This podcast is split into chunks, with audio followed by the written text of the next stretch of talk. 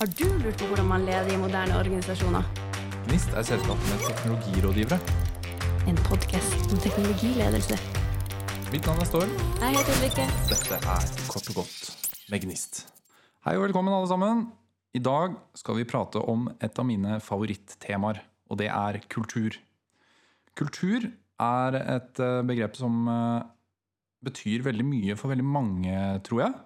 Uh, Ulrikke, hva er kultur for deg, egentlig? Sånn kort, hva er kultur? Ja, hva er kultur? Kultur for meg er litt den væremåten du er, hvordan du oppfører deg, og kanskje i samhold med andre personer. Jeg tenker Alle personer har jo, om det er ting du tar med deg fra, fra familie, eller hvor du er ifra, eller teamet ditt, eller arbeidsgiver, så er det liksom Det er den som sier litt hvem du er, eller hva er det vi faktisk syns er greit av oppførsel. Ja, hvem du er i gruppa, på en måte. Ja. Um, en veldig kjent eh, kulturforsker er Edgar Schein, og han uh, har en, uh, en, definisjon som jeg kommer til å parafrase litt. da. Det er at en kultur det er en gruppes tillærte verdier og normer som de har for å håndtere sine indre og ytre problemer. Det som er litt viktig her, er denne tillærte delen. Du, når du kommer inn i en bedrift eksempel, og blir en del av organisasjonskulturen, så er det ikke sånn at når du setter føttene dine på innsiden av døren, så har du fått kulturen. Det tar tid eh, å bygge opp denne kulturen, men etter hvert så blir man kjent med den, den er stabil kanskje, og så blir det en form for trygghet om hvordan man skal oppføre seg i bedriften. Så det som eh, ikke kanskje så mange kjenner til, er at eh, selv om du har organisasjonskultur, så er det et nivå over organisasjonskultur som også innvirker ganske mye på hvordan vi oppfører oss. Og det er det som kalles nasjonal kultur. Eh, alle land har forskjellig eh, kultur om hvordan de oppfører seg, eh, hvilke holdninger og verdier man har, hvilke grunnleggende antakelser som man syns er viktig. Og Ulrikke, du har jo litt erfaring med akkurat det her. For du har jo jobbet i Spania, stemmer det? Det stemmer. Jeg var i Spania i halvannet år og jobba for, eh, for, et selskap der. Og da hadde jeg jo jobba for samme selskap i Norge, så da fikk jeg se litt kontrasten fra hvordan det var å komme fra liksom Norge, som var ganske kjent, og den kulturen jeg var oppvokst med, til, til Spania, som var litt sånn motsigende. Så selv om det var samme selskap i to forskjellige land, så var det helt forskjellige kultur? Ja. Fordi det er liksom van, var vant til i Norge, var jo litt at du har liksom frihet til å kunne, kunne, kunne gjøre ting. F.eks. det å Kommer det en elektriker hjem til deg, så, så klart kan du ta hjemmekontor den dagen. Jeg, som sjef trenger ikke å sitte og se deg over skuldra at du faktisk gjør jobben din. Men i Spania, så der, da måtte du avtale at den elektrikeren skulle komme etter arbeidstid, fordi at sjefen skulle gjerne se at du satt og, og gjorde ting. Ja, og eh, de verdiene som kanskje er knyttet til det her, er jo kontroll og tillit. da. Ja. At det er viktigere å passe på deg enn å stole på at du jobber. Ja, og det skaper jo liksom Det skapte i hvert fall oss litt redsel på den arbeidsplassen. fordi at eh, da ble du litt sånn Oi, ser han at jeg henter kopp nummer to på samme time? Ser han at jeg har eh, tatt meg en luftetur nå? Og hver gang du, du fikk, fikk en beskjed fra sjefen om kan du komme inn her, så var det Oi, hva har jeg gjort nå? Så det var Ja, det, man kjente litt på redsel. Det er jo uh, sikkert sånn at spanjolene som jobber der, syns jo dette var helt normalt? Ja, jeg prøvde jo når jeg kom inn, så var jeg jo super norsk kultur. Eller jeg vet ikke om det er norsk kultur, men det var i hvert fall den norske selskapet sitt side, sin side, sin kultur. Eh, om eh, Ja, vi, vi, hvorfor gjør vi ikke sånn? Du, du, du. Og det ble bare slått ned at nei, men da Hvordan skal jeg stole på deg? Hvis du sier du har gjort noe, men jeg kan ikke se at du faktisk har gjort det. Ja.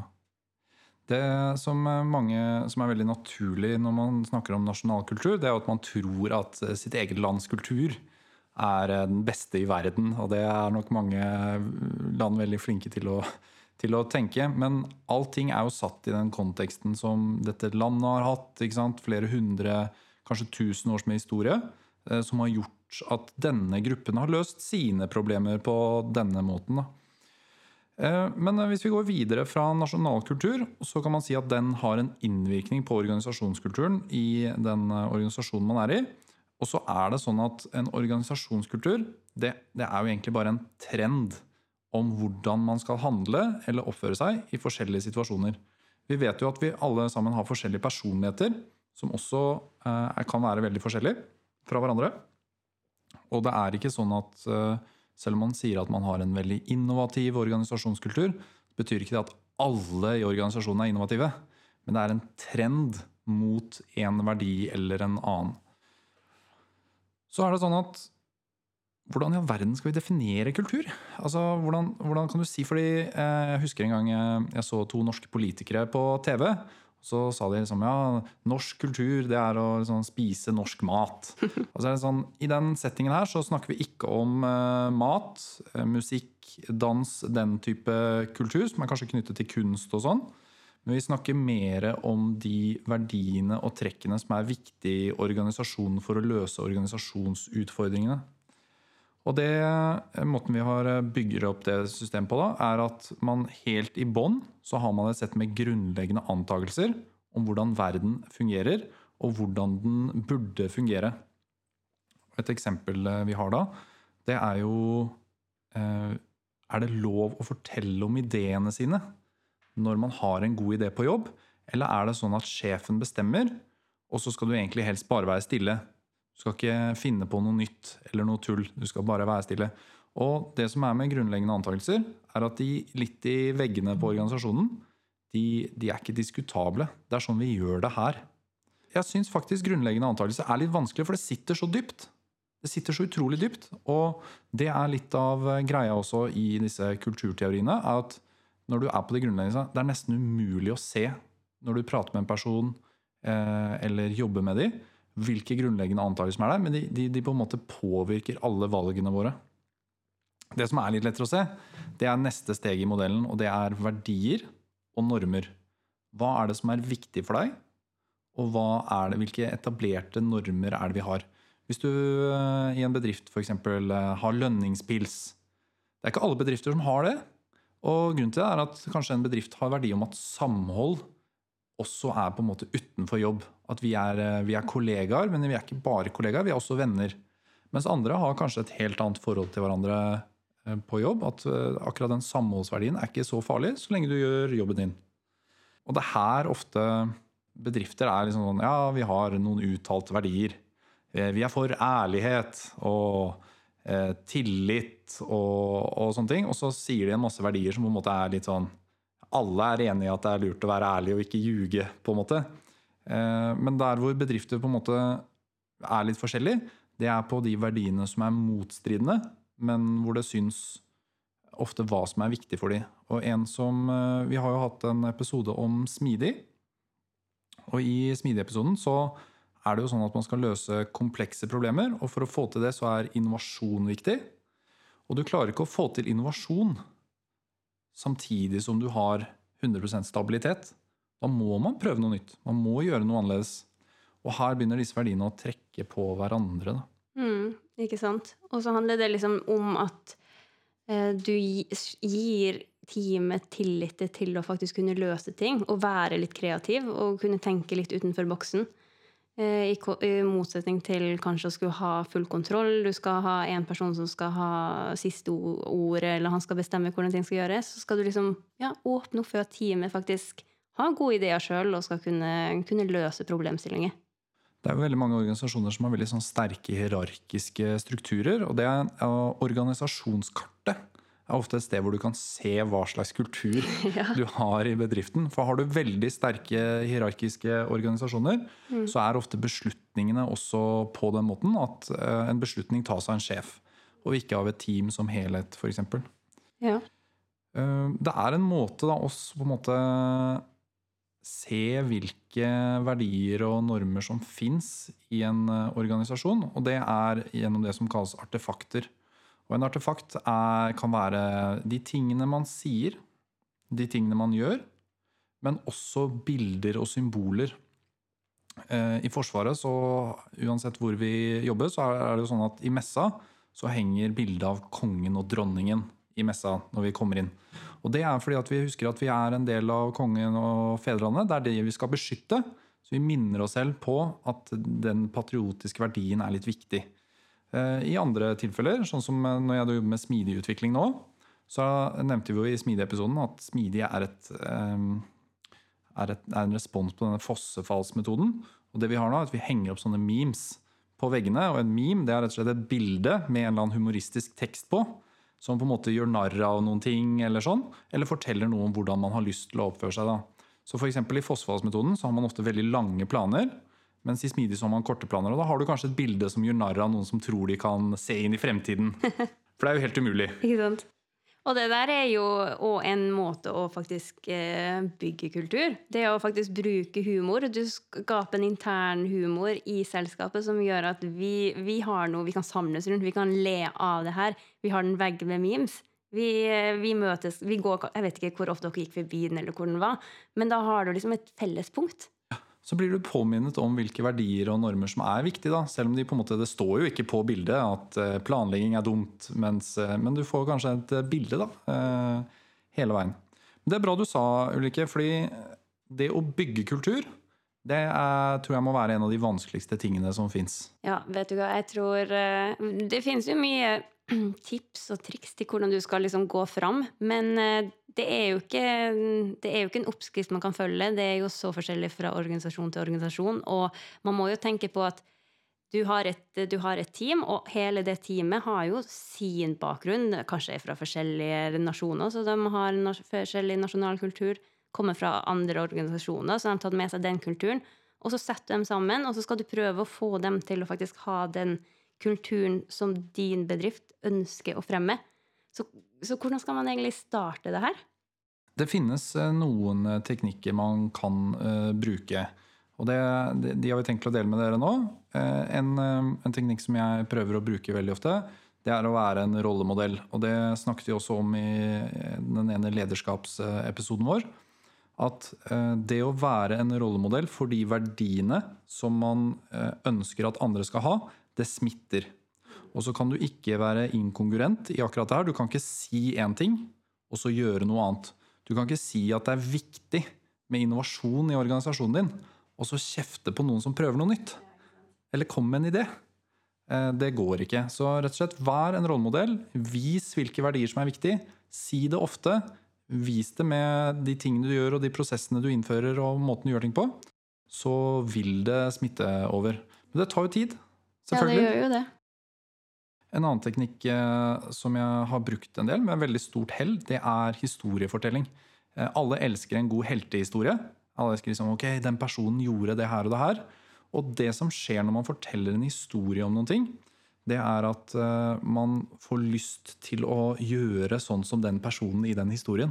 Utrolig effektivt. Og jeg har et eksempel fra Forsvaret. Jeg jobbet i en avdeling hvor vi på en måte hadde veldig teknologisk utstyr. Eh, veldig vanskelig utstyr, krevde mye erfaring.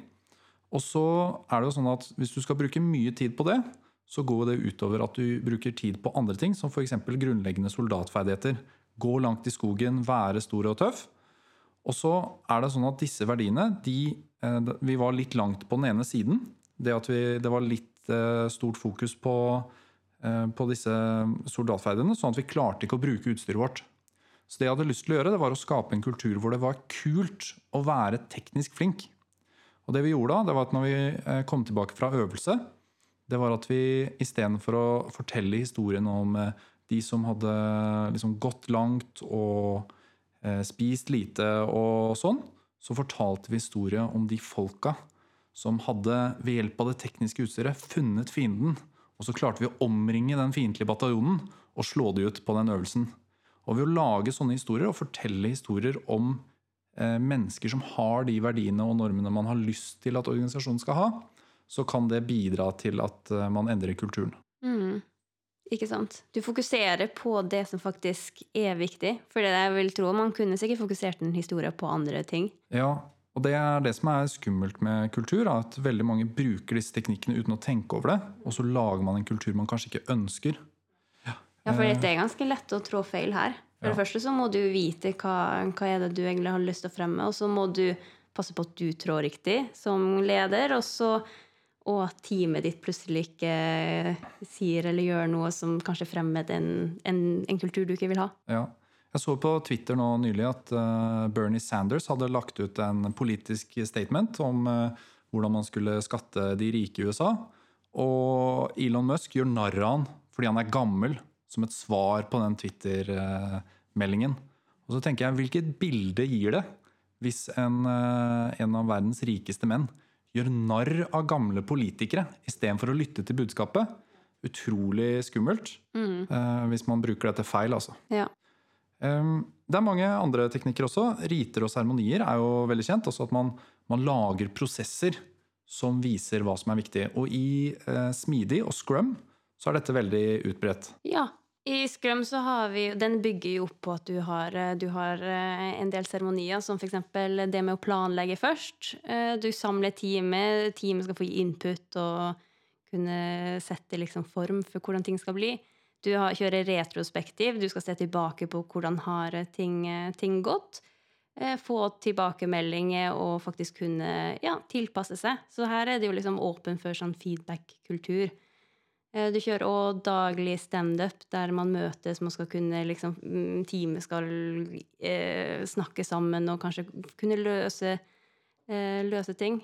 Eh, og så har du jo demo til slutt, der du skal på en måte vise hva du har levert. Og det vi har gjort i demo, er jo liksom bruke den til å feire litt. Det her har vi klart. Som et team så har vi klart å levere det her til, til, til brukeren, og så er vi liksom stolt av hverandre og, og det vi har klart å jobbe, gjøre sammen som et team. Og ved å bruke disse seremoniene så får man på en måte støttet opp de verdiene man har lyst på. Da. Ja, og i, eh, i hvert fall innenfor Scrum så er det jo veldig liksom den teamkulturen. Så, og får du teamkulturen, da, da, det er jo, da, da er du med på å bygge liksom, organisasjonskulturen. Nettopp. Um, språkstrategi, det å ha et uh, ordentlig slagord, det å De ordene man bruker, uh, kan også hjelpe til om man har eh, ja, rett og slett språkkampanjer eller mm, ja, rett og slett måten man prater på, da, er også viktig. En annen teknikk som brukes veldig mye, det er sosialisering. Det at man, spesielt med nye medlemmer i organisasjonen, tar de med på enten man har et trainee-program hvor man lærer de opp, eller at man har eh, Man tar de med på en eh, lønningspils og prater med de At man liksom tar de med på ting hvor man kan treffe andre. eh, Sånn at man kan lære kulturen fra hverandre. Da. Eh, Også en veldig sterk teknikk. Og when all else fails, så er det én teknikk til som jeg ikke bruker veldig ofte, hvis ikke det er helt kritisk. Eh, Og det er straff og kjeft. Og det er utrolig kraftig, eh, fordi at folk beholder kun en organisasjonskultur hvis de oppfatter den som rett. Dette er den riktige måten å jobbe på. Eh, Jeg har vært i organisasjoner før med veldig sånn sterk machokultur, hvor, hvor det har vært litt mobbing. Og hvis alle sammen bare aksepterer den mobbingen som skjer, og ingen sier noen ting, så kommer den til å fortsette. Eh, Men det som skjedde der, var at eh, det gikk litt langt, og så på et tidspunkt så kom kompanisjefen og bare slo hardt igjennom. Det var eh, straff, det var refs, og så var det helt tydelig at denne oppførselen her, den er helt uakseptabelt. Og dette er teknikker som man kan bruke i hverdagen også, hvis noen sier noen ting som ikke er, ikke er greit å si, eller gjør et eller annet sånt. Man må tørre å vise at dette er ikke greit. Fordi folk mener det egentlig ikke vondt. Men De tror at kanskje de er morsomme, eller de tror at det er greit. Hvis ikke dette er en grei eh, oppførsel, så må man rett og slett tørre å si ifra. Mm. Yes. Og da tror jeg vi har tatt liksom, eh, grunnpakka kultur, jeg, Ulrikke. Jeg tror det. Jeg tror vi har vært gjennom mye. Ja, da sier vi at det var kultur, da. Kort og godt. Har du lurt på hvordan man leder i moderne organisasjoner? NIST er selskapet med teknologirådgivere. En podkast om teknologiledelse. Mitt navn er Storm. Jeg heter Ulrikke. Dette er Kort og godt med Gnist.